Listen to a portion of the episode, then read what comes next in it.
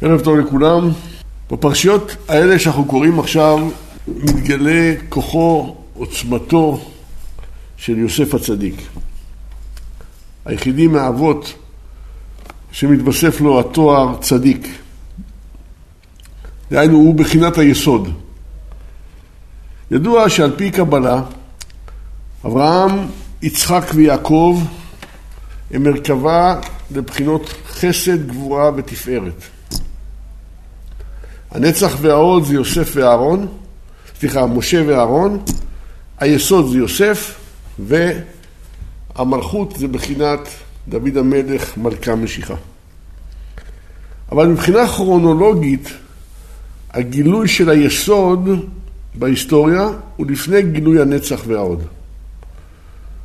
דהיינו, אברהם, יצחק, יעקב, בנו של יעקב זה יוסף, שנים אחרי זה יהיה גילוי למשה ואהרון שיתפסו את מקומות הנצח והעוד. דהיינו, היסוד מתגלה לפני הנצח והעוד, פירוש הדבר שליסוד אין על מה שיסמוך.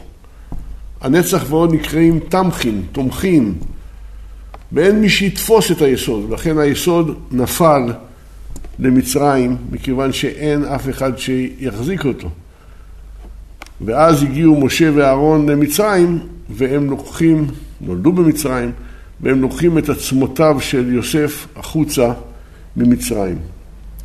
היסוד בקבלה הוא בחינת צינור שמעביר שפע, בחינת משפיע. הוא בעצם מעביר את השפע מכל הספירות העליונות, מהחב"ד, וחסד, גבורה, תפארת והנצח והעוד, הכל מתנקז בתוך היסוד, ומן היסוד זה עובר אל בחינת המלכות. דהיינו, ביסוד עצמו יש את כל הבחינות של כל הספירות מעליו בצורה מרוכזת, בבחינה, בבחינה תמציתית, ממש כמו שטיפת הזרע מכילה בתוכה את התמצית של כל הגוף כולו. כל החומר הגנטי של הגוף נמצא בתוך הטיפה. לכן אדם יכול להוליד בצלמו וכדמותו, כי הטיפה כלולה מכל הגוף כולו. אם כן, במהלך הזה של גילוי היסוד שלפני הנצח והעוד, אז בעצם, כמו שאמרנו, חלה, חלה נפילה, אין סמיכה, ולכן ליסוד שלא היה לו מה לסמוך, הוא נפל למצרים. מצרים זה מלשון מצרים, זה מלשון מוחין דקטנות. מוחין דקטנות פירושו של דבר לא חוסר שכל, אלא מוחין דקטנות פירושו של דבר שימוש בכל האינטליגנציה וכל כוחות הנפש על מנת להשיג את ענייני גשמיות העולם הזה. לעומת זאת, מוחין דגדלות זה השגה שהכל מכל כל זה אין עוד מלבדו, ולהשיג את הכוח הפועל שבנפעל, זה מבחינת מוחין דגדלות. כשהיסוד נופל למוחין דקטנות, אין רע מזה. דהיינו, אין לו את האפשרות כמעט להחזיק מעמד, מכיוון שפגם הברית בעיקר נעשה על ידי מוחין דקטנות, כי החוכמה והבינה בגדלותם נקראים קברות התאווה. למה נקראים קברות התאווה? כי הם קוברים את התאווה. כשהם מסתכלים על התאווה בעיניים חכמות, בעיניים נבונות, לתאווה עצמה אין קיום. יוסף, בחינת היסוד, נופל לבין המצרים, שטופי הזימה, בשר חמורים בשרם, היה צריך לשרוד, להילחם על מעמדו. במצב שעבד, במיוחד עבד לעבד, עבד למצרי, אין זמן למוחין דגדלות.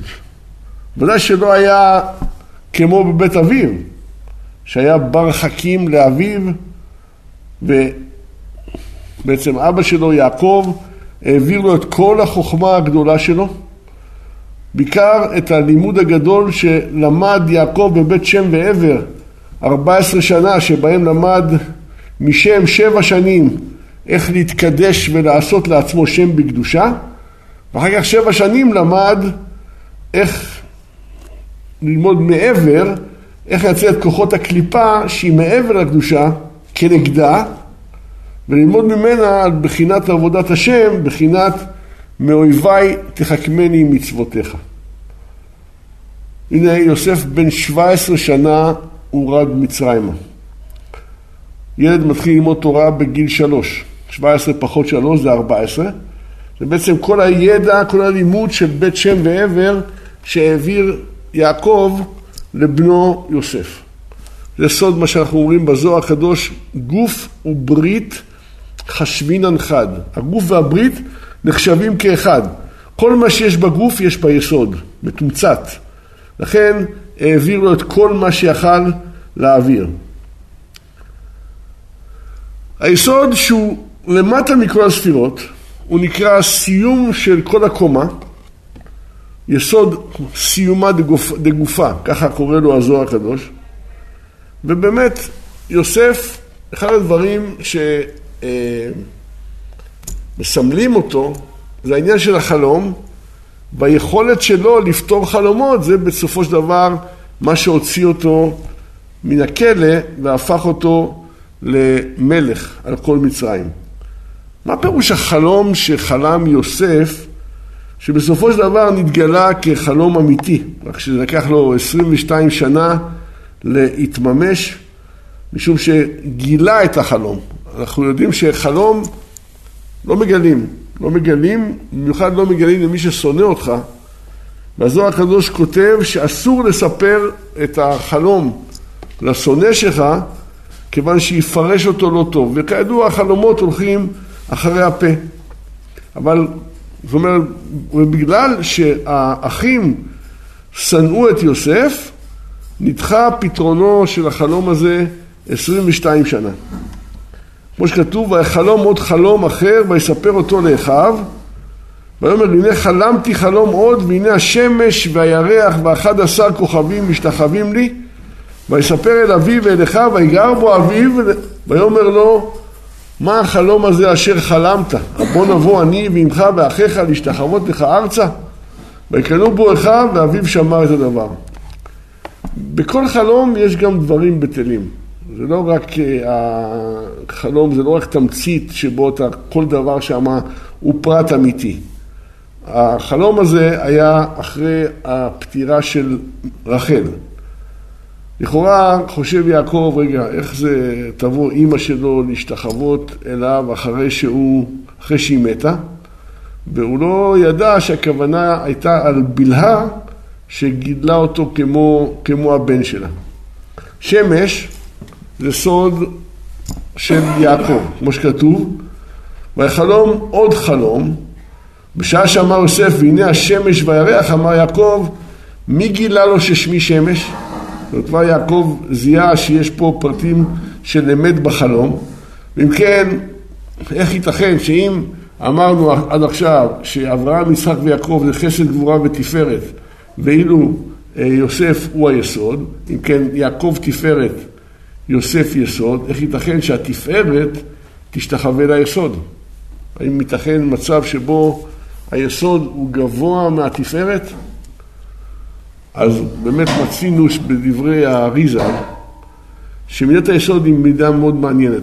אמנם היא למטה מכל הספירות, אבל היא נמצאת על הקו האמצעי והיא בסוד של מעלית ויכולה להגיע עד הדעת ואפילו יותר גבוה מהדעת והטיפה שבעצם שורה בתוכה היא בעצם מגיעה מהכתר, עד כדי כך, עד כדי כך גבוה. אז בעצם מזה אנחנו מבינים את הפסוק והאדם ידע את אשתו, את חווה אשתו, שמלמד שהעניין הזה היה בדעת, מלא בקדושה וטהרה, ואם המעשה הגשמי ביותר נעשה בדעת, הרי שכל יתר הגשמיות ממילא מתקדשת. לכן זה נקרא בשם ידע, כן? קו האמצע של האדם זה קו מחובר. בואו ננסה להסביר רגע. בצד ימין יש לנו חוכמה, מוח ימין, חסד יד ימין ורגל, שזה בעצם אה, נצח, שזה רגל ימין. זה לא מחובר, המוח לא מחובר ליד, היד לא מחוברת לרגל, עובר דרך האמצע. אותו דבר בצד שמאל שנקרא בגה, בינה גבורה ועוד, אבל קו האמצע, דתי, דתי, דעת, תפארת, יסוד, זה מחובר. ופה יש איזה סוג של מעלית, יש פה תנועה, יש פה גם את שלושת הבריתות שהאדם מחויב עליהן, ברית הדעת בראש, ברית הלשון בפה, וברית היסוד, מה שנקרא ברית המאור. על שלושת הבריתות האלה למעשה עומדים כל מצוות התורה. ולכן לכן בעצם בסופו של דבר יכול להיות מצב שהיסוד יעלה גבוה מהתפארת, ואז התפארת כביכול משתחווה, משתחווה ליסוד. ככה כותב הזוהר, ב, יש, יש בזוהר קטע שנקרא סבא דמשפטים. זה קטע בפרשת אה, משפטים, שבו חכמי הזוהר מתגלה איזה סבא אחד, שהוא בעצם מגלה להם את כל סודות אה, הגלגול, כן? אחד, ה, אחד הקטעים שם הוא כותב, פתח הסבא ואמר, משכיל לאיתן האזרחי. אילו היה כתוב משכיל לדוד, היה מובן. כי משכיל הוא בחינת יסוד, הוא משפיע לדוד שהוא המלכות. לכן משכיל, משכיל לדוד, פירוש דבר שהיסוד משפיע למלכות. זה הגיוני. אבל מה זה משכיל לאיתן האזרחי? כן? אז הוא אומר, יש משכיל למעלה ויש משכיל למטה. המשכיל העליון זה הדעת. המשכיל התחתון זה היסוד. ומה זה משכיל לאיתן? פירושו בזמן שאותו נהר, אומר הסבא, שהוא היסוד, מתעורר בתשוקה, הייחוד עם המלכות, אז כל אברי הגוף שמחים ומתקשרים עמו, ואז הוא עולה עד המוח העליון שזה הדעת, והוא מתפייס איתו ושמח לקראתו. ואז כתוב, משכיל לאיתן האזרחי. פירוש, הדעת משכלת את היסוד הנקרא איתן, ומודיעה לו, דהיינו מודיעה לו, ממשיכה לו את טיפת הייחוד שנקרא ידיעה, על ידי אברהם אוהבו שהוא מבחינת החסדים. זאת אומרת, איתן האזרחי זה כינוי לאברהם אבינו, ובעצם הוא משפיע מהדעת לחסד, ואותו המוח הוא הדעת בסופו של דבר משכיל לאיתן, שזה הבחינה של היסוד. זאת אומרת, עובר פה בחינה של חסדים בקו הזה, בקו, בקו האמצעי הזה, מהדעת עד בחינת היסוד. הדברים האלה כותב הרב אייזיק חבר. הרב אייזיק חבר זה למעשה אה, כתב הרבה מאוד ספרי קבלה, הוא מתלמידי הגאון מווילנה. והוא למעשה אה, רבו של רבי, סליחה, הוא תלמידו של רבי מנחם מנדל משקלוב, שהיה תלמידו של הגאון, הגאון מווילנה, והוא היה תלמידו בקבלה. אז הוא כותב ככה, אל תיתן את פיך לחטיא את בשריך. דהיינו, יש כוח בפה של האדם, שזה בעצם מה שנקרא ברית הלשון, לפגום את ברית הדעת.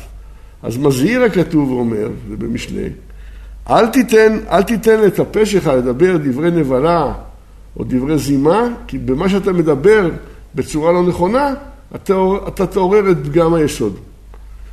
אז בעצם ידוע שעל ידי פגם, פגם הדיבור, נפגם ברית המאור שהוא תלוי בברית הלשון כידוע. וכאשר מתעורר היסוד, אומר הרב, מתעורר הדעת במוח, ועל ידי הדיבור גורם להתעוררות היסוד, שדעת ויסוד תלויים זה בזה. והיסוד עולה עד הדעת הוא סוד מהלך עץ החיים, 500 שנה, והוא סוד, למה 500 שנה? כי בעצם בין הדעת לבין היסוד יש לנו את החסד, גבורה, תפארת, נצח ועוד. זה חמש. כל אחד כלול מעשר שכלול מעשר, הרי סך הכל יש לנו 500, זה מהלך 500 שנה.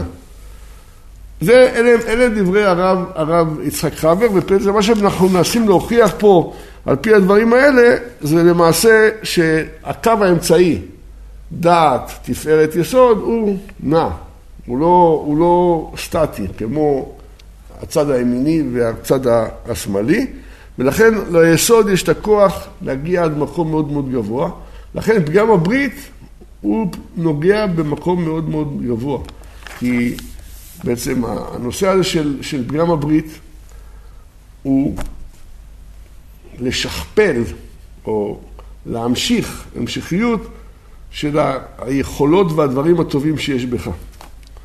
אבל גם זה יכול לשכפל את הדברים הרעים. לכן מהיסוד יוצא זרע, שזרע זה זרע. דהיינו, גם דברים רעים שלא תוקנו יעברו מדור לדור. עד שיבוא מישהו ויקבל עצמו לתקן את הדברים האלה. לכן בזוהר הקדוש כמעט בכל דף יש את העניין של תיקון הברית. בזוהר הקדוש מדובר בהרחבה מאוד גדולה, אדם שיוצא מן העולם הזה ללא פריאה או רבייה, כמעט ואין לו תיקון. אני לא מדבר עכשיו על אנוס, אני מדבר על אדם שהשתדל, אה, סליחה, אני מדבר על אדם שלא רצה או, או מנע את עצמו מהדבר הזה. הדבר הזה בעצם כמעט אין תיקון לדבר הזה. הזוהר מחנך את האדם לנקיות הדעת, הוא מחנך את האדם לנקיות היסוד, כיוון שהיסוד עולה עד הדעת, ובעצם משם לוקח את השפע ומוריד אותו למטה. יש פה רמז יפה, שש פעמים יסוד, ושש כפול שמונים עולה ארבע מאות שמונים, זה גימטריה הדעת עם הכולל, כן? יסוד זה שמונים, המילה יסוד היא גימטריה שמונים, זה פ', פ' זה רמז לפה, מרמז לקשר שבין היסוד לבין הפה, דיבור בקדושה, שש, שש פעמים יסוד שווה 480, ו-480 זה בעצם יוצא עשר פעמים מוח, להראות על הבחינה של הקשר שבין המוח לבין העניין הזה של הברית. אז יוצא הדעת זה ראשית הקומה של המידות, והיסוד זה הסיום של הגוף, ולכן הרמב"ם, שהוא פותח את הספר שלו, הוא כותב ככה, יסוד היסודות ועמוד החוכמות. יסוד היסודות כינוי ליסוד, עמוד החוכמות כינוי לחוכמה. החוכמה היא הראשית, ראשית חוכמה יראת השם, ראשית, ויסוד זה האחרית, מהראשית ועד האחרית, לכן הוא נקרא יסוד, כי יסוד זה כמו יסוד של בניין, כל הבניין עומד על יסודותיו, ואם אין יסוד, או שהיסוד רעוע, מהר מאוד כל הבניין ייפול. ולזה הוא אמר, יסוד היסודות ועמוד החוכמות מה? לידה, לדעת. כאילו זה בחינה של הדעת. אז אם כן, יוסף הוא המייצג של מידת, מידת היסוד. מידת היסוד, כמו שאמרנו, יכולה להיות בהשפעה של מוחין דקטנות, יכולה להיות בהשפעה של מוחין דגדלות. בהשפעה של מוחין דגדלות, אז אדם מוליד כצלמו כדמותו, ממשיך, ממשיך את עצמו בצורה חיובית. מביא ילד קדוש וטהור לעולם, ואם היסוד הוא בבחינת קטנות ויש בו נפילה, זה בעצם נפילה קטסטרופלית, כן? לכן, אם נתבונן במהלך חיים של יוסף במצרים, אנחנו נגלה את השלוש דרגות שיש ביסוד. דרגה ראשונה, יוסף מורד למצרים, והוא נמצא בבית אדוניו המצרי, זהו רמז ליסוד במקומו. כן, היסוד נמצא במקומו, אבל השפעה, השפעה שלילית מאוד. בתוך המצרים האלה שטופי זימה, תראו מה כותב שם אה, התרגום על מה שפוטיפר קונה את אה, יוסף, הוא קונה אותו בשביל, בשביל אה, משכב זכור, הוא קונה אותו בשביל פגם הברית, אבל הקדוש ברוך הוא הופך אותו לסריס פרעה, ואז הוא לא מסוגל לפגום, לפגוע ביוסף, כן. אז הוא נמצא שמה ופתאום מגיעה אשת אדוניו, אשת פוטיפר, ואז הוא מתגבר על היצר. כשהוא מתגבר על היצר, הוא הופך לבחינת דעת. יש בו את הכוח להגיד לא. זה בחור בן, אה, בן 17 שנמצא שם בתוך המוחין דקטנות, יש לו את הכוח להגיד לא, לא סתם יש לו את הכוח להגיד לא, כי דמות אביו נגלתה אליו, אביו, אבא, זה בחינה של חוכמה, דהיינו קיבל סיוע מה, מהחוכמה, ולכן שפוטיפר שם אותו בבית הסוהר, הוא נהיה שליט על שר האופים, שר המשקים ושר הטבחים. זה פה בקנה שלנו, בגרון שלנו, סליחה, יש שלוש צינורות. צינור אחד זה הוושט, אחד זה הקנה ואחד זה הווריד הראשי שעובר, שעובר כאן. שלושת השרי פרעה למעשה שלושת הצינורות האלה, שבעצם הם בעצם מוכרים דקנות. אם נסתכל פה, כל הבחינה של הצרכים של האדם נמצאים פה. פה יש את הצרכים לאוכל ולמים, פה יש את הצורך בווריד, זה העניין של תאוות העולם הזה, כי, כי הדם הוא הנפש. אז, אז בעצם יש פה גם את הדם המרכזי, גם את הבחינה של הוושת והקנה, שיש בעצם את הסוד של האדם. מה זה אדם? ראשי תיבות. א', אוויר. ד', זה דם. מ', מזון ומשקה. כל השלושה, ארבעה, שלושה, ארבעה דברים האלה בעצם מרוכזים פה בגרון, וכאשר האדם הוא לא מסוגל ל- לשלוט על המקום הזה, הוא נופל. מה קורה? היסוד, יוסף, בכוח המעמד שלו וההתגברות שלו על הבעיה שיש את פוטיפר, מקבל מה שנקרא נס להתנוסס. הוא מתעלה ועולה מעל, מעל הקומה הזו, והוא נהיה בחינה של משתלט על המצב. ואז משמה הוא יוצא מבית האסורים למלוך, נתעלה להיות בחינת כתר שזה פנימיות הדעת. זאת אומרת, יסוד במקום שלו, יסוד עולה לדרגה של דעת, יסוד עולה לדרגה של כתר. מזה נבין מדוע שיוסף פוגש את האחים שלו, האחים שלו לא מכירים אותו. מפרש רש"י שמשום שלא היה לו חתימת זקן, אבל על פי פנימיות אפשר לבאר את הדברים, כי כשיוסף נמכר, האחים לא נתעלו מדרגתם, ואילו הוא, כמו שביארנו, התעלה מיסוד במקומו ליסוד בדעת, ליסוד בכתר, לכן הייתה בו חתימת זקן, שהזקן זה, הזוהר קורא לזקן בחינת מותרי המוח. בתיקוני הכתר העליון, 13 מידות הרחמים שמופיעים בזקן, זה למעשה המותרות של המוח. מאחר והיה יוסף בדרגה גדולה יותר ממה שהיה קודם לכן, האחים שלו לא מכירים, לא מכירים את גדולתו, לא מכירים לאיזה השגות בעצם יוסף מגיע בתוך, בתוך המהלך הזה. אז בואו נראה בעצם איך הדברים פה אה, מתפתחים עם מהלך היסוד הזה. חז"ל אומרים, בגמרא ראש השנה, דף י', בראש השנה יצא יוסף מבית האסורים. יוסף הוא כמו יעקב, יעקב תפארת אמרנו, יוסף הוא היסוד וגוף הוא ברית חשבינן חד, הוא הסוד של הנקודה הפנימית שלעולם אינה נטמאת. זה נאמר עוד מעט, ואין רשע והתבוננת על מקומו ואיננו. מה שלא תעשה, הנקודה הזו שנקראת יוסף, היא, לא, אה, היא לעולם לא נטמאת. מתואר בספרים הקדושים שיוסף הוא סוד הטהרה, איך אנחנו רואים את זה? יש לנו אה, ארבע יסודות, נכון? בגוף. ארבע, אש, רוח, מים ועפר. כל אחד מהם כלולה מארבע. הרי, אה, הרי ארבע כפול ארבע זה שש עשרה. זה י"ו של יוסף. עכשיו, תיקח את כל היסודות, אתה רוצה לתאר אותם, תשים אותם בפי שישים, כן? שהיסוד הגשמי יהיה אחד, אחד לשישים, אז זה כבר כאילו לא נמצא, נכון? אז תיקח את השש עשרה, פעמים, פעמים שישים, כמה זה 16 כפול 60? אז י' כפול 60 זה 600, נכון? ועוד ו' כפול 60, 360, זה 960, זה תתקס, שזה מידת הלוגים שיש לנו במקווה, כן? אז זה כאילו סוג, סוג של מקווה.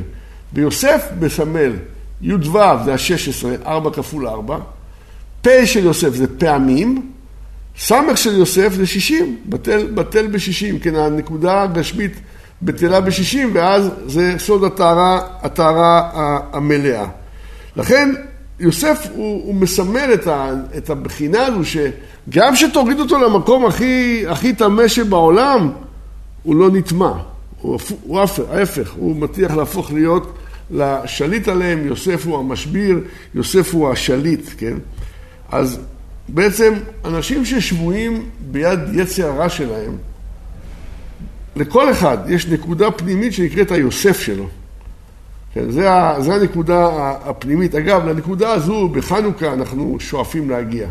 כן, כי חנוכה אתה מסובב את הסביבון, הסביבון הוא כמו שהוא מתחפר, מתחפר בקרקע ורוצה להגיע לנקודה הכי פנימית שיש לאדם, שזה הבחינה הזו, שזה היוסף שיש באדם. אם האדם מצליח להדליק את הנקודה הזו, הוא נמצא מה שנקרא על הגל. עכשיו, אבל מה? אם האדם ביום יום שלו, הוא נמצא בגשמיות חזק. אז אותו נקודה היא כביכול סגורה באיזשהו סוג של בית כלא, בית אסורים. היא מסוגרת, אין יוצא, ואין בה. ואין להם אפשרות באופן רגיל להשתחרר מכבלי התאוות שסובבים אותם. מה, מה יקרה בדרך כלל לאדם כזה? הקדוש ברוך הוא, ייתן לו ניסיון.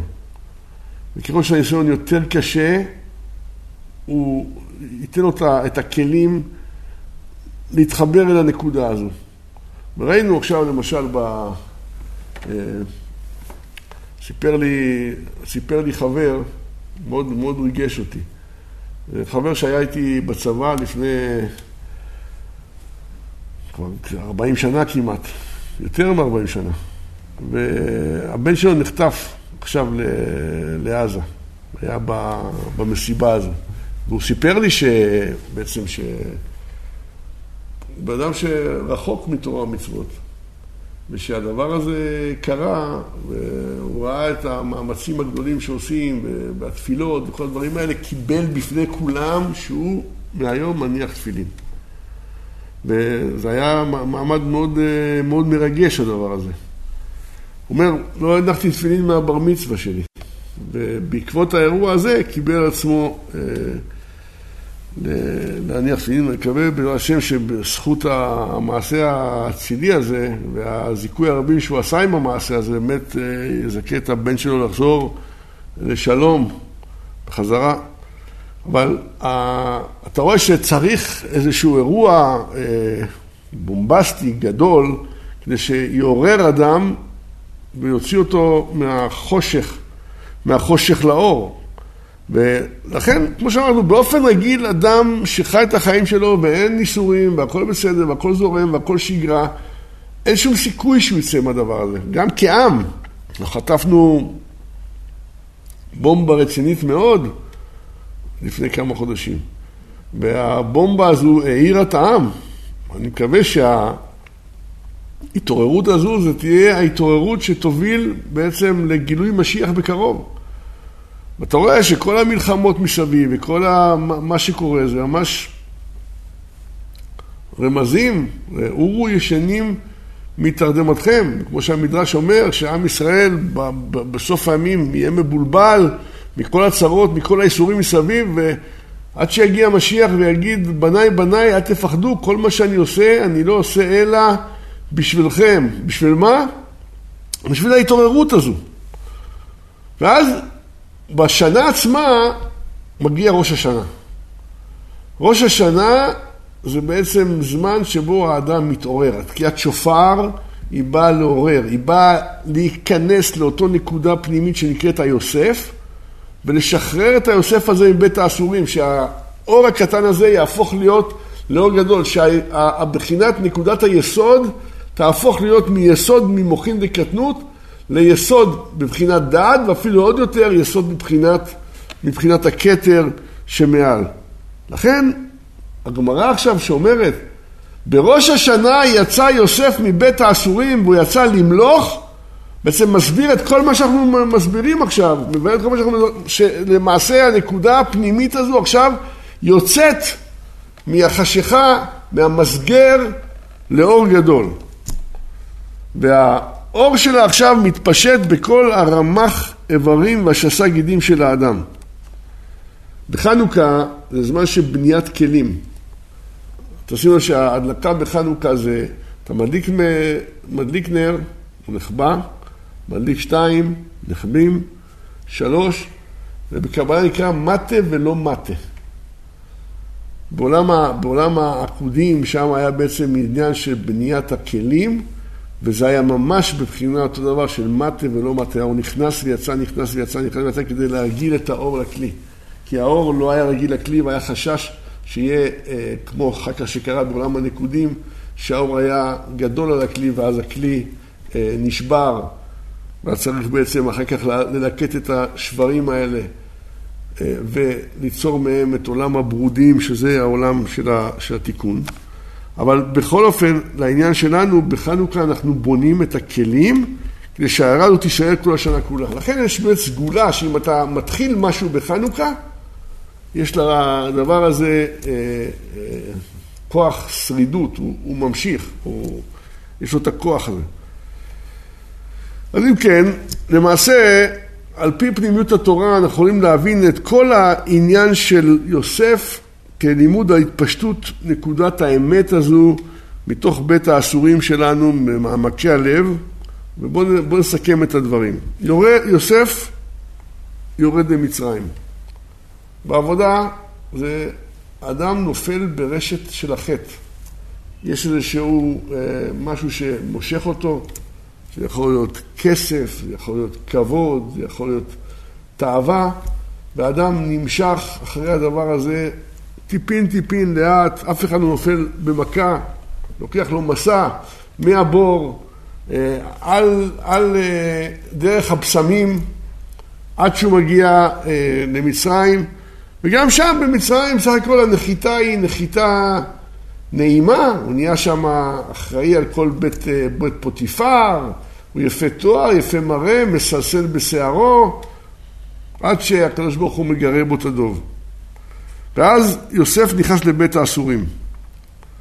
בית האסורים זה הכוונה, אדם בהתחלה, התאוות, היצרים, הם נעימים לו, הם טעימים לו. אבל הוא לא מבין שלאט לאט הוא נופל עוד יותר עמוק, עוד יותר עמוק.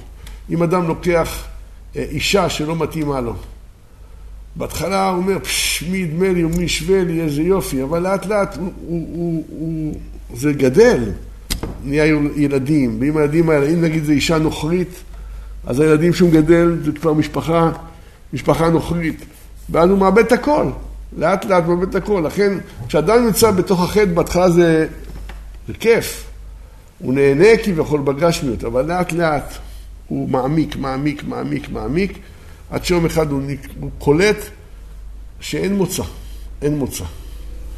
זוכר שמור אבי, מור אבי קראו לו יוסף, אז אולי זה מתאים קצת לדבר הזה, הוא סיפר לי, פעם אחת נסע ל, לרומניה, ל... יש שם מרחצות אה, מרפא כאלה, המופתה אני חושב, או משהו בסגנון כזה. עובד אתכם לפני הרבה הרבה מאוד שנים. והוא היה שם באיזה מלון. בבוקר ירד לשתות כוס קפה. ניגש אליו איזה אחד ואמר לו, היי, מרעיד, מדבר איתו ביידיש. והוא היה שם שהוא בעל משפחה וכולי וכולי. מספר לו שהוא ניצול שואה, וברח מהשואה ישר, אה, ישר לשמה. התחתן עם אישה גויה. אלה, אלה הילדים שלו. הוא כל כולו בתוך, ה, בתוך הסיפור הזה, וזהו. חוץ מלהגיד כמה מילים מיידיש, לא נשאר, לא נשאר שום דבר מהיהדות שלו, כן? וזהו, הילדים שלו כבר גרים ברומניה בתור רומנים גויים, וזהו, ולא נשאר ממנו שריד ופליט. אז זה מצב שבעצם הצער שאבות גורמים לאדם, והוא מתחיל להרגיש פתאום את, ה, את הריחוק, את, ה, את השוני, ויום אחד הוא מתעורר ואומר, מה אני עושה פה? אני בתור בית סוהר. לפעמים זה, איך אומרים, כלא של זהב, כן? כלוב של זהב, אבל זה כלוב, הוא לא יכול לצאת משם. ואז פלא פלאים, יוסף עובד עם החלום של, אה, של השרים האלה, זה מתוודה בסופו של דבר למלך, ויוסף יוצא מבית הכלא. אדם נזכר בעבר שלו. כל הפתרון שם זה בזכות העבר שהיה לו בבית אבא שלו. שואב חיזוקים מן המסורת, ורוצה להקים מחדש את קומת הקדושה, יוסף יוצא מבית הכלא. מה הרצון שלו שהוא יוצא מבית הכלא? הוא לא רוצה להיות עבד עכשיו בביתו, בבית פרעה. תראה בצורה שבה הוא עונה לפרעה, הוא רוצה להיות מלך מצרים. תמנה בן אדם שיעשה ככה ויעשה ככה ויעשה ככה, הוא בעצם מכין את כל הקרקע לעצמו לבוא ולהשתלט על כל המערכת. ההתעוררות הרוחנית שקורא לאדם לתשובה צריכה להיות בהדרגה. למה? האורות גדולים ללא כלים יעשו שבירת כלים. יוסף לא בא לפרעה ואומר לו, אתה עושה אותי מלך מצרים, אני אסדר לך את הכל, אל תדאג. היה זורק אותו מכל המדרגות. הוא רומז לו בעדינות.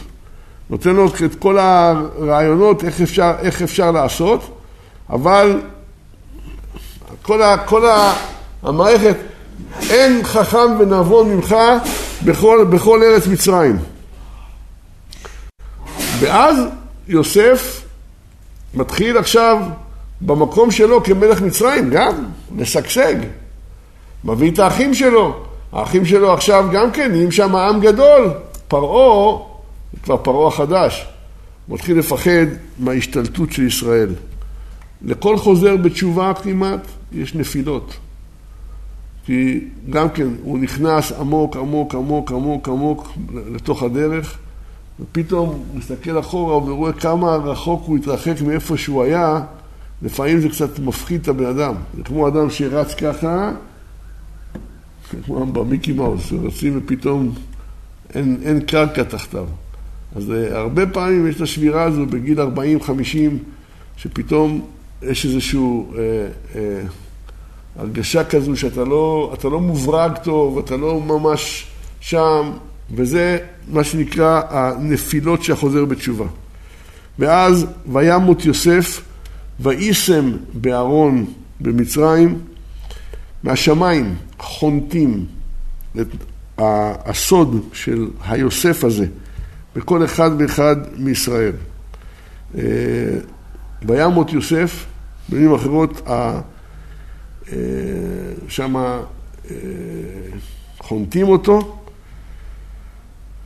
חוזר בשאלה, מי, ש, מי שכבר עשה חזרה בתשובה, באיזשהו שלב בחיים חוזר בשאלה, בדרך כלל הוא לא נהנה יותר מהעבירות.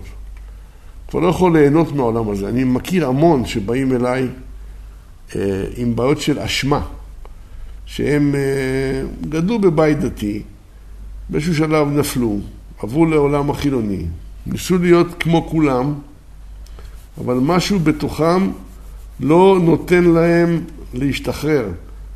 ואז מתחיל להיות רגשי אשמה. רגשי אשמה האלה יוצרים אה, דיכאון, בדיכאון הזה יוצר חרדות. ואז מגיע לך בן אדם שכולו דיכאון וחרדות, שואל אותו, מה קרה?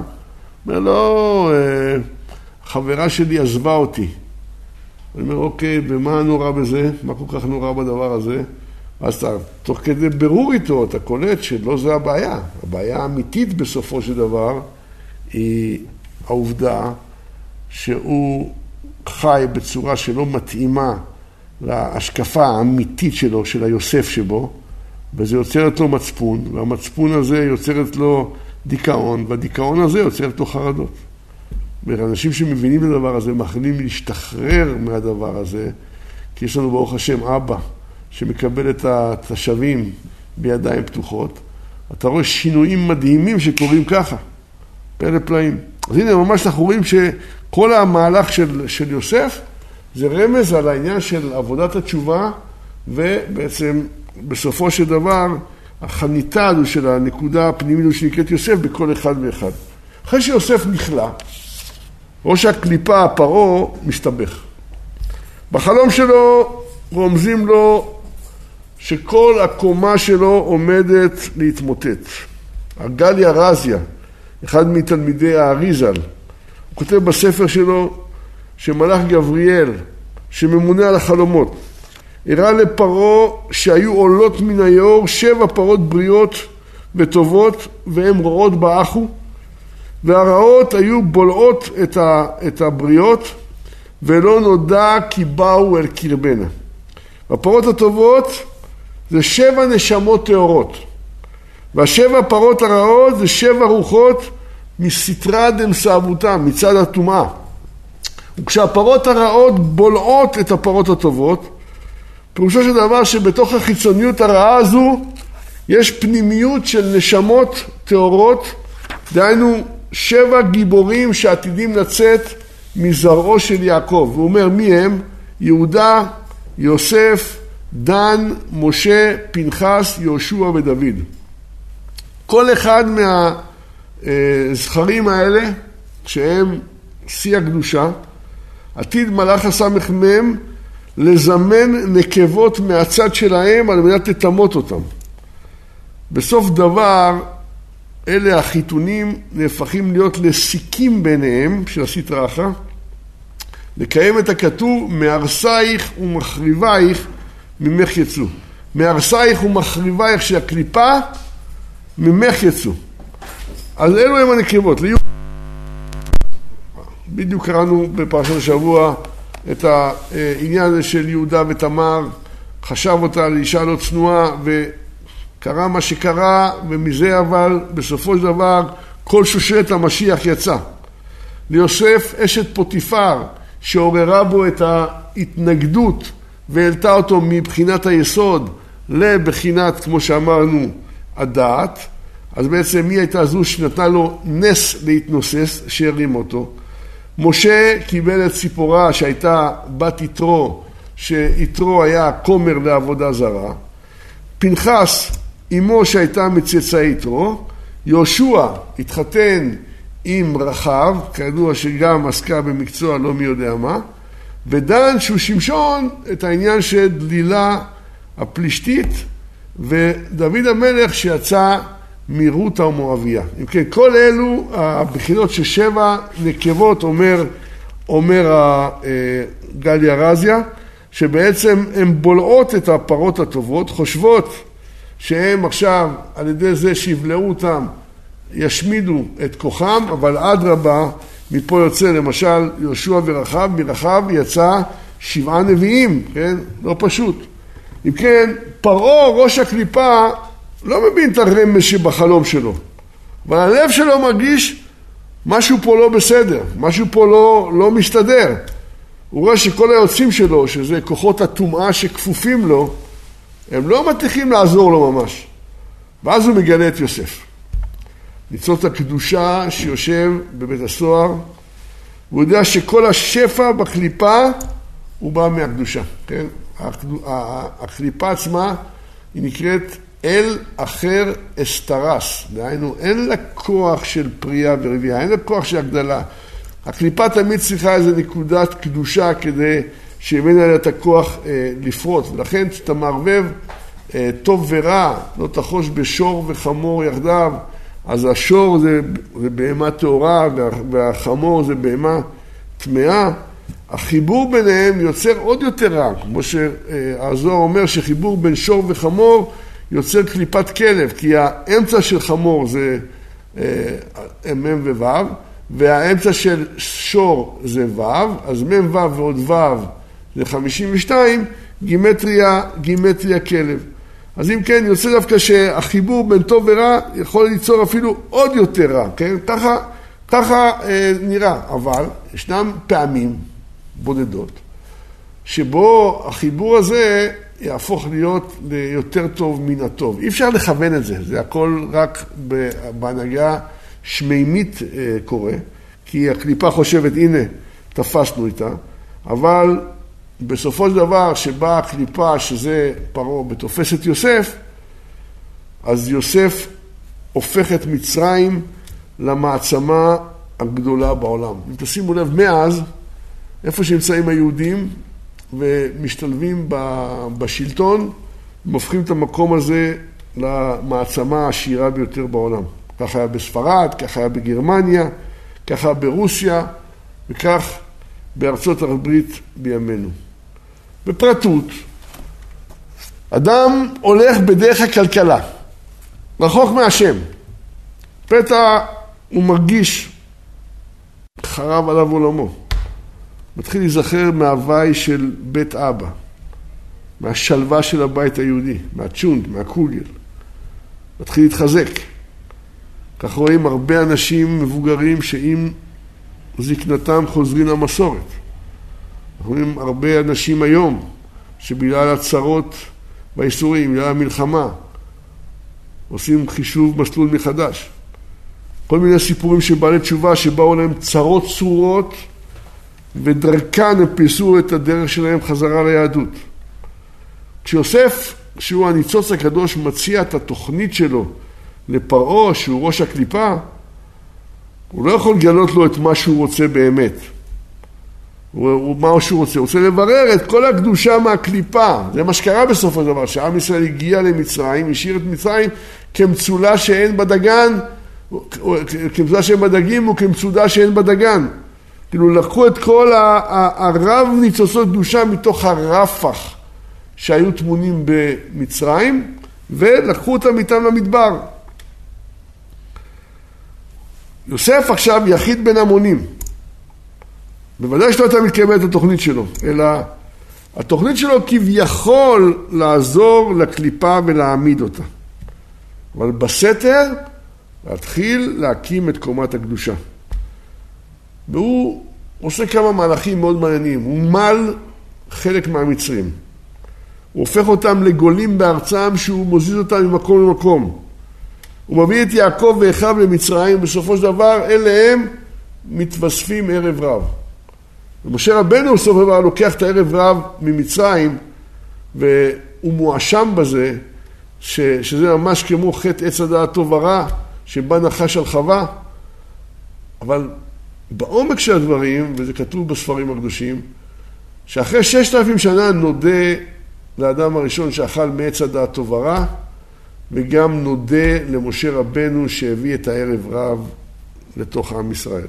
הם נתנו את, ה, את האש, את, ה, את ה-brand, מה שנקרא, את, ה, את היכולת התקדמות של העם. כי ברגע שהכל טוב והכל על וישמן ישורון יושב על סיר הבשר, בדרך כלל כשהקדוש ברוך הוא רוצה לזעזע ולערער את עם ישראל ולהביא אותם למקום יותר טוב בסופו של דבר, מעמיד עליהם מלך שגזרותיו קשות משל המן.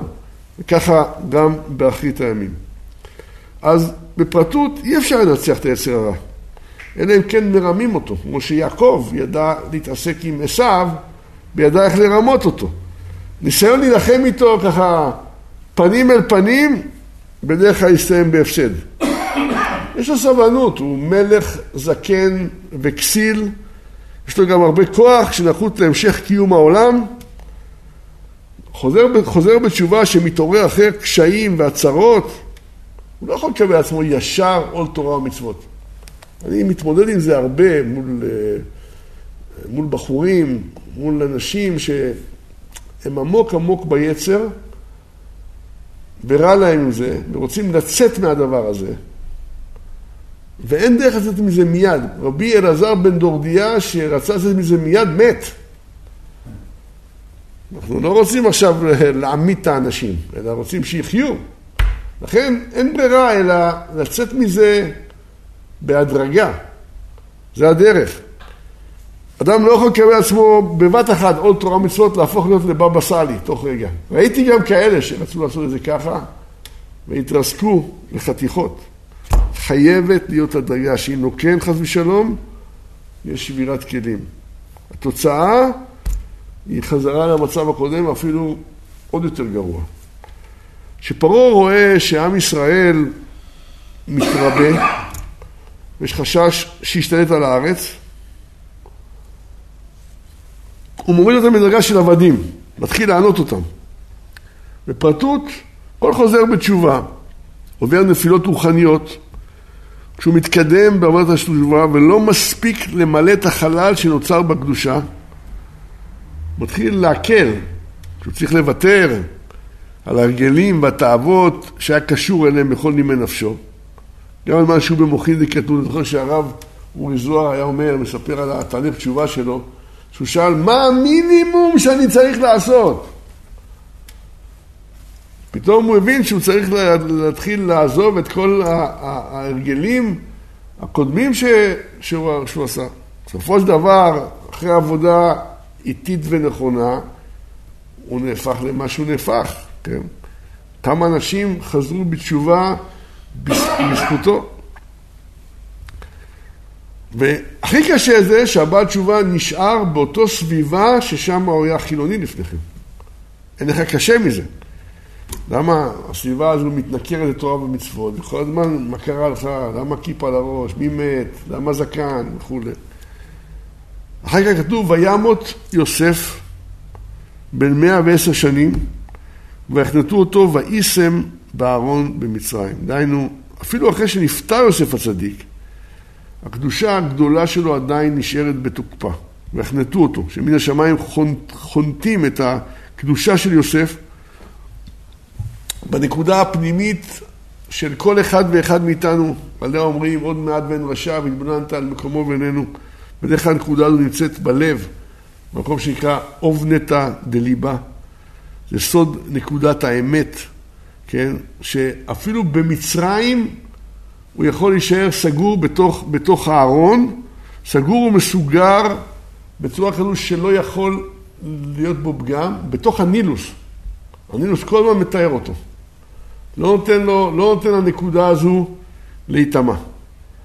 בפרטות אדם שטעם את הטעם המתוק של התורה. חס ושלום יידרדר, לא יוכל ליהנות יותר מן העולם הזה. מי, ש, מי שמכיר את, ה, את היופי של, של, של תורת ישראל, בכל עבירה שהוא עושה, הוא נושא איתו את הארון הזה, עם יוסף החנות, שזה נקודת האמת שלו. זה כמו לשחק תופסת עם אה, אבנים בכיסים. כל הזמן מפריעים לך להשתחרר לגמרי. ואז ויקח משה את עצמות יוסף, אל תקרא עצמות, אלא עצמות, כן? משה זה סוד עם ישראל.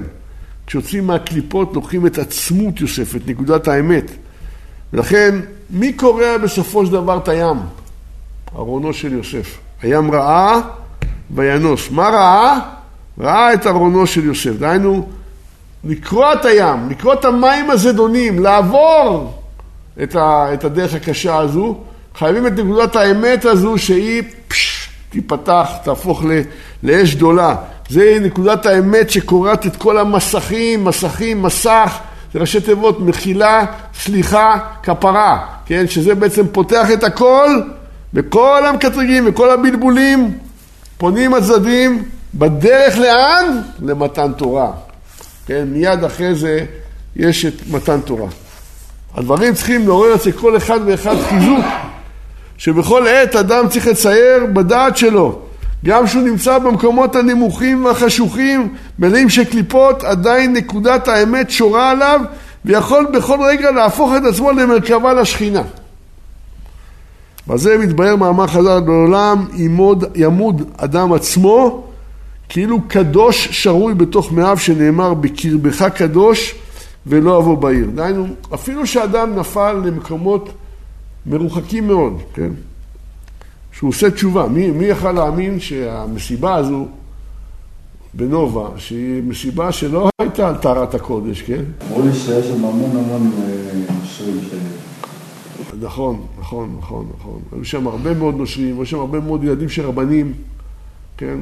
אה, מסיבה, שמחה, ביום שאמור להיות יום שמח, לפעמים מהבלבול אפשר להימשך למקומות האלו, אבל אנחנו מגיעים ב, ביום הזה של שמחת תורה, שזה השיא, שכל הימים מראש השנה, דרך יום כיפור, דרך סוכות, כל הימים האלה, המקובלים לא מכוונים, רק כוונות של הזה. אבל כשמגיעים לזמן של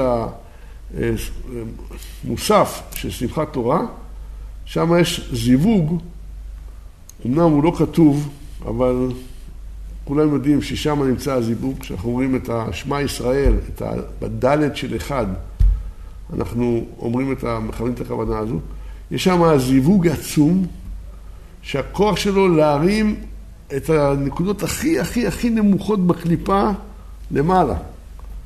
לכן דווקא אז, בזמן הזה, וזה גם מעניין, שלוחמי הקומנדו שבאו ושם רצו לדעת אם יש שם יהודים, צעקו שמע ישראל, הצד השני צעק להם, השם אלוהינו השם אחד. זה היה בדיוק בזמן הזה של מוסף. ואז בעצם כל, כל הניצוצות הכי נמוכים, יש להם את הכוח להתעורר. מי, מי חלם על זה שדווקא במקום הזה ייווצר התעוררות כזו גדולה לעם ישראל? מי שרוצה להתמיד ולתפוס את השקר, שימשיך. אני שמעתי אנשים מהקיבוצים שם, אנשים שהיו רגילים לחברות עמוקה ורבת שנים עם, ה, עם העזתים, ו, והעזתים האלה שהיו להם בבתים, והם כל הזמן דיברו עליהם, והיו היו בקשר טלפוני, הם באו לרצוח אותם. ואפילו אחרי הדברים האלה עדיין אני שומע דיבורים על, על שלום ועל קרבה ועל אהבה ועל... לא מבינים שיש מצב שהדיוטה כל כך תחתונה שזה לא זמן לדבר על שלום. זה זמן לדבר על הקיום שלנו, כי הקיום שלנו ודאי קודם לקיום שלהם. בכל אופן, לעניין שלנו, אה, בכל רגע ורגע, עם היוסף הזה, שבכל אחד ואחד מאיתנו זה יכול להפוך ברגע אחד למרכבה לשכינה. ואפילו שאדם נפל למקומות הכי רחוקים, כשהוא עושה תשובה, הוא עולה למעלה במהירות עצומה שהיא לא, אה, היא לא רגילה. יש אתה רואה אנשים בעלי תשובה, גם בדור הזה, יש כמה שאני יכול לחשוב עליהם עכשיו, אני לא אגיד, אבל בוודאי אנשים אה, מבינים מה אני מתכוון. כשאתה רואה בן אדם שחזר בתשובה, והוא בקיא בש"ס, בזוהר, בראשונים, באחרונים, בפוסקים, בצורה שאתה משתאה. בוא'נה, איך זה יכול להיות? חזרת בתשובה לפני עשר, חמש עשרה שנה, עשרים שנה, מאיפה הגאונות, מאיפה הזיכרון הפנומנלי הזה, מאיפה הדברים האלה? זה בדיוק מה שכתוב פה. שחוזר בתשובה, יש לו את הפוטנציאל לעלות במהירות. זה לא שעכשיו יש, תגיד, הוא בקומה אחת וצריך לעלות לקומה אה, אה, מאה. קומה קומה. זה דרך של צדיק רגיל, של אדם רגיל. הבעל תשובה הוא עולה מ-1 עד 10, מ-10 מחכה לו מעלית שלוקחת אותו ל-95. ופתאום הוא ב-95. זאת אומרת, יש לו את ה... מה שנקרא פוקס של המתחילים. יש לו את, ה, את הדחיפה הזו, את, ה, את, ה, את האש הזו שמוליכה אותו מהר. משה רבנו צריך לעלות שבע רקיעים, שבע מדרגות וגילויים של לימוד של מלאכים עד שזכה לאחוז בכיסא הכבוד. בעל תשובה מגיע בבת אחת על כיסא הכבוד. משל לבניין רב קומות שיש בו מעלית. אבל כושר הקיבול שלה מוגבל. לכן מי שבריא ברגליים שלו אומר, תעלה במדרגות. תתאמץ, תעלה קומה אחרי קומה שתגיע לחוץ לפתיחה. אבל הנכה, התשוש, מעלים מעלית בת אחת עד הקומה העליונה. כך זה בנמשל, עובד השם מנעוריו, בכוחותיו הוא נזקק להרבה עמל והגיעה, לעלייה מדרגה לדרגה כדי לזכות להשלים את חלקו בגילוי כבוד שמיים. אבל השב בתשובה, אין בכוחו לעלות. הוא תשוש, הוא קטן, הוא לא למד, השם יתברך ברוב חסדיו, מוציא אותו ממצולות חטאיו ומעלה אותו במסילה עולה בית אל בבת אחת את כיסא הכבוד. מדוע? כי היוסף הזה ש, ש, שנמצא בתוכו, ברגע אחד נהיה לאש להבה. לכאורה אז יגיד אדם, אוקיי, אני אהיה בעל תשובה. ואני אשוב כבעל תשובה, אני אחטא, אני אשוב כבעל תשובה, ואני אוכל להגיע בקלות יותר כבעל תשובה. אבל כבר הקדימו חז"ל ואמרו, האומר אחטא ואשוב, אחטא ואשוב, אין מספיקים בידו. כיוון שאם הוא עושה את התשובה כסיבה לחטא, הרי שהיא לא תעלה בידו, כיוון שהיא מניעה את העבירה. ופה בעצם אנחנו רוצים לדבר על הסביבון, ולסיים את השיעור הזה. כי היסוד שירד לתוך מצרים, לתוך העובי הקליפה, ויש הפרשיות האלה, תמיד אנחנו קוראים אותן בסביבות אה, חנוכה, מלמדים אותנו להסתכל על המציאות קצת באור, באור שונה. רשימו מהאור הגנוז, האור שמגלה את האמת האמיתית, ה-36 נרות שאנחנו מדליקים בחנוכה שרומזים על ה-36 שעות ששימש האור הגנוז וה-36 צדיקים שיש בעולם. האור שמגלה את האמת האמיתית גם היא מוקפת בהרבה שקר, בהרבה קליפות.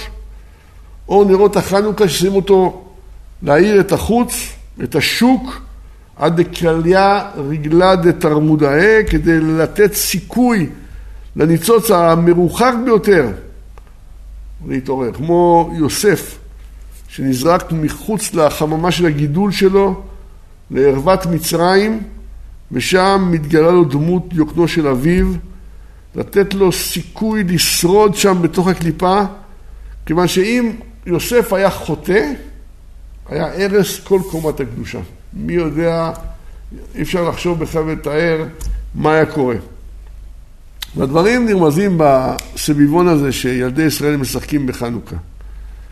כותב ספר התודעה, ההרגל הזה שנפוץ בין ילדי ישראל לשחק בחנוכה במשחק סביבון, אף הוא מעניין שחנוכה הוא, כיוון שהפרוטה מצויה בכיסם ממתנות הוריהם, כיוון שהדלקת נר חנוכה גורמת מעט לביטול תורה בלילי טבת הארוכים. אומרים להם תינוקות, היא נפשו היום ובלו שעותכם בחדווה, בלבד שתיכנסו לאחר החנוכה לעול של תורה והגיעה של מצווה. ואף עתה, בשעת משחקכם, אל תשכחו את הניסים והנפלאות שעשה השם לאבותינו בימים ההם, בזמן הזה, וחורטים על הסביבונים, נס גדול היה פה, ובחו"ל נס גדול היה שם, והכל כדי שלא יסיחו התינוקות דעתם מן הנס אפילו בשעת המשחקים. הרי שמנהגי חנוכה זה סוג של חינוך, חינוך לבנים, חינוך לכל המון העם, שיהיו נזכרים בחסדי השם ולהלל אותו ולשבח אותו ולקבל על ידי זה את עול מצוותיו ואת תורתו. רגע, אני שואל, אם יש אה, בחור שהוא ירד כאילו סמים, והוא כל היום עם העד, עם הקדושה ועם הכל, ואיך המעגל הזה יכול לצאת ממנו? קשה מאוד, זה, זה נהיה עוד יותר גרוע, מכיוון שהוא לוקח את הסמים, אומר וואלה זה נותן לי ריכוז, זה נותן לי מוחין, ועם זה אני לומד, זה, ערבוב מאוד גדול של אה, קליפה וקדושה, וחייבים לעשות פה הפרדה. הוא צריך להבין שלכל המקומות האלה שהוא מגיע עם אה, סמים, הוא יכול להגיע בלי סמים. כשהוא מגיע עם סמים זה כוח חיצוני, ואחר כך הוא לא יוכל להגיע לכלום בלי הסם. בינתיים הסם הזה הוא תופס אותו. כאילו, של יוסף נמצא אצלו. לא רק זה, שהרבה פעמים גם בסופו של דבר אה, נפתח יותר מדי. יש מה שנקרא ריבוי אור, ראיתי הרבה כאלה. ומגיעים למצב שקשה, אי אפשר כבר לעזור להם, חייבים לתת להם כדורים כדי לסגור את, ה, את האור הזה, והכדורים האלה עושים הרבה פעמים יותר נזק ממה ש... אבל אתה לא יכול, כשאדם נמצא בתוך מניה, אתה לא יכול לטפל בו. הוא... הוא רוצה, הוא רוצה לטפל בך. כן. בדרך כלל האנשים האלה הם בעליות וירידות, זה נקרא מניה דיפרסיה. יש להם את המניה, ואז יש לכם אחר כך את הנפילה. אתה לא יכול לטפל בו במניה, אתה יכול לטפל בו בדיפרסיה. כשהוא במניה, הוא יכול לתת, אה, לקחת את המשכורת שלו, לעמוד בגן סאקר ולחלק לכולם. עד, שזה, עד שהיא נגמרת, והוא מרגיש שהוא המאושר באדם. הלכתי פעם לבקר מישהו. ב... היה שם ערבי אחד שאכל, אכל, הם אוכלים עוף, לוקחים אה, אה, שמנת או לבן, טובלים את העוף בתוך הזה, זה, זה מעדן בשבילם. אז הוא ראה את זה, בחור דתי, חרדי. בא אמר, תתיר לי גם כי אני רוצה לאכול את זה. הלך אליו, הוא אחי, אחי, מנשק אותו, מחבק אותו, אין עם מי לדבר. אה, מאבדים את כל, ה... את כל הראש, זה אורות מדי. בכל אופן, אומר רבי נחמן, באמת דע כי כל העולם כולו הוא בחינת גלגל שחוזר כמו סביבון. מה הסביבון? זה, יש נקודה והיא חוזרת את עצמה עוד פעם ועוד פעם ועוד פעם. וגם הסביבון הזה הוא, הוא נרמד לזה שהוא רוצה להיכנס עד הניצוץ הכי עמוק כדי לא להעיר אותו, כמו שדיברנו, היוסף הזה. להבדיל מפורים שאתה מסובב רעשן, רוצה לעוף, כמו רחפן. זה רחפן וזה בורג, כן? זה הקטע שלו להגיע לניצוץ הקדוש, וזה לקחת את הניצוץ הקדוש ולהוציא אותו, להוציא אותו מהקליפה. אז אומר רבי נחמן שהכל חוזר ומתהפך, לדוגמה מאדם מלאך, ממלאך אדם, ומראש רגל, ומרגל ראש, וכל שאר הדברים שבעולם כולם חוזרים חלילה ומתגלגלים ומתהפכים מזה לזה ומזה לזה, מעליון לתחתון, מתחתון לעליון, וליתר בירור, מה שאתה הדבר הוא בחינה עליונה, בחינת ראש, עוד מעט תהיה בחינה שפלה, בחינת רגל, וצריך לדעת כי גם אחר כך יכול להתהפך ולחזור להיות בחינת רגל, בחינת ראש ומראש רגל. זאת אומרת, אתה לא יכול לשמוך אף פעם. כשזה מסתובב, אתה לא יודע איפה זה יעצור. אז ראינו שאדם מתהפך למלאך, ראינו שמלאך מתהפך לאדם. אה, למשל, שני המלאכים שקטרגו על בריאת העולם, הפיל אותם הקדוש ברוך הוא, נמצאים מעבר להרי החושך והם נהיו גשמיים, לעומת זאת, יש לך אה, אה, אנשים כמו אליהו וחנוך, שנהפכו ונהיו אה, מלאכים, אז זה נהיה, נהיה ככה וככה. אם כן, מסתבר שהעולם הזה הוא בחינת גלגל החוזר. סביבון, הכל חוזר. בשורש הכל אחד, לכן משחקים בחנוכה בסביבון. כי חנוכה זה בחינת בית המקדש, וגילוי מה שהאור שהאיר בבית המקדש. בית המקדש גם כן היה בחינה של עליונים למטה ותחתונים למטה. שהשם יתברך אישרה שכינתו במקדש, כן? שזה בחינת עליונים למטה. הקדוש ברוך הוא בא ושרה, שרה בתוך בית המקדש, זה עליונים למטה. והארון עצמו, שהוא גשמי, לא היה תופס מקום, התנהג כמו משהו רוחני, החומר התנהג כמו רוח. וכל הציור של המשכן היה רשום למעלה ברוחניות, אז לא הקדוש מרחיב בזה מאוד. אז ממש אתה רואה, תחתונים, תחתונים למעלה ועליונים למטה, זה הסביבון שבכל הזמן חוזר ומתהפך. על פי היגיון קשה מאוד לקבל שהשם יתברך שהוא מרומם ונישא למעלה מכל הרוחניות. השמיים ושמי השמיים לא יכלכלו אותו, יצמצם את השכינה שלו בתוך כלי משכן. את זה גם משה רבנו לא יכל להבין, לכן היה צריך הקדוש ברוך הוא להראות לו תבנית המשכן, כזה ראה, כן? תסתכל, תסתכל על הדברים האלה, תעשה את זה כמו, כמו השיעורים האלה, וזה שיעורים ממש, ממש גשמים.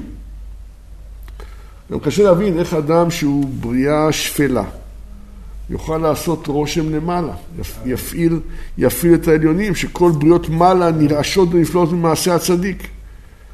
אז יוצא פה שהבריאה כל הזמן הולכת ומסתובבת, הולכת ומתפעלת, וזה למעשה, הבחינה של הגאולה היא לא באה ישר, מהחל הנמוך למעלה. היה, היה כבר בית המקדש, והיה כבר תקופת שלמה, והיה כבר תקופה שכמעט גאולה, ואז עוד פעם התעסקנו. וזה כל הזמן מסתובב מפה לפה, מפה לפה, אבל בסופו של דבר מובטח לנו שתבוא הגאולה. הבריאה נמצאת בחיק הבורא בכל רגע ורגע. לכן העולם נוהג בסוד מה שנקרא מטה ולא מטה. הרחבנו את זה. הבורא יתברך שמו רוצה בתיקון של עולמו. הוא נתן לעולם ששת אלפים שנה לתקן. אור חנוכה, שהוא אור של חינוך. גילוי האור הגנוז. דולק בבחינת מטה ולא מטה. נר נכבה, שתי נרות נכבה, שלוש נרות נכבה. כן? להרגיל את העולם לאור הנפלא, הצח והבהיר של הגאולה. בעזרת השם, שנראה את הדברים האלה במהרה בימינו. והמסירות נפש שגילו החשמונאים, התשוקה שלהם לתאר את בית המקדש, יצרו כלים גדולים שיכלו לסבול את האור הגדול הזה. היום שאין לנו בית מקדש, ואין לנו את המסירות נפש באותה דרגה. אולי בעצם אנחנו יכולים לראות היום בחיילים שנמצאים בשדה הקרב, והרצון שלהם אה, אה, לתמוך בעם ישראל, לעשות משהו למען עם ישראל, למען ארץ ישראל. אנחנו פה מסירות נפש מדהימה, אהובה, מכיוון שכל העניין של חנוכה זה להאיר את חשכת הקליפה, לתת לשכינה הערה במקומה. אבל שזה חייב לבוא מבחינת מטה ולא מטה, שאחרת לא היו הקליפות יכולים לסבול את האור והקליפות הם צורך גבוה עד יתוקן הכל ובילה המוות לנצח. זאת אומרת, מילים אחרות, הקליפות הם אלה שדוחפות אותנו להתעלות. אז בעזרת השם, בכוח חנוכה, נזכיר גם לתקן את הכוח המדמה שלנו, קליפת נוגה, שהקליפה הזו מסתירה את האמת. כאילו שהעולם הזה הוא מציאות ואישות בפני עצמו, ולא באמת כמו שזה האמת, שזה אלוהות, הפועל, הכוח הפועל שבנפעל, כן? סופו של החומר, כפי שנמשל בסביבון, אף שהוא מסתובב במהירות, אי אפשר לראות את האותיות, אבל זה צריך להיעצר בסוף. וזה מה שמסובבים את הסובבונים שברקע דולקים נרות שמסמלים את גילוי האור הגנוז בעולם כדי לבטל את הכוח המדמה. ברוך ה' לעולם, אמן ואמן.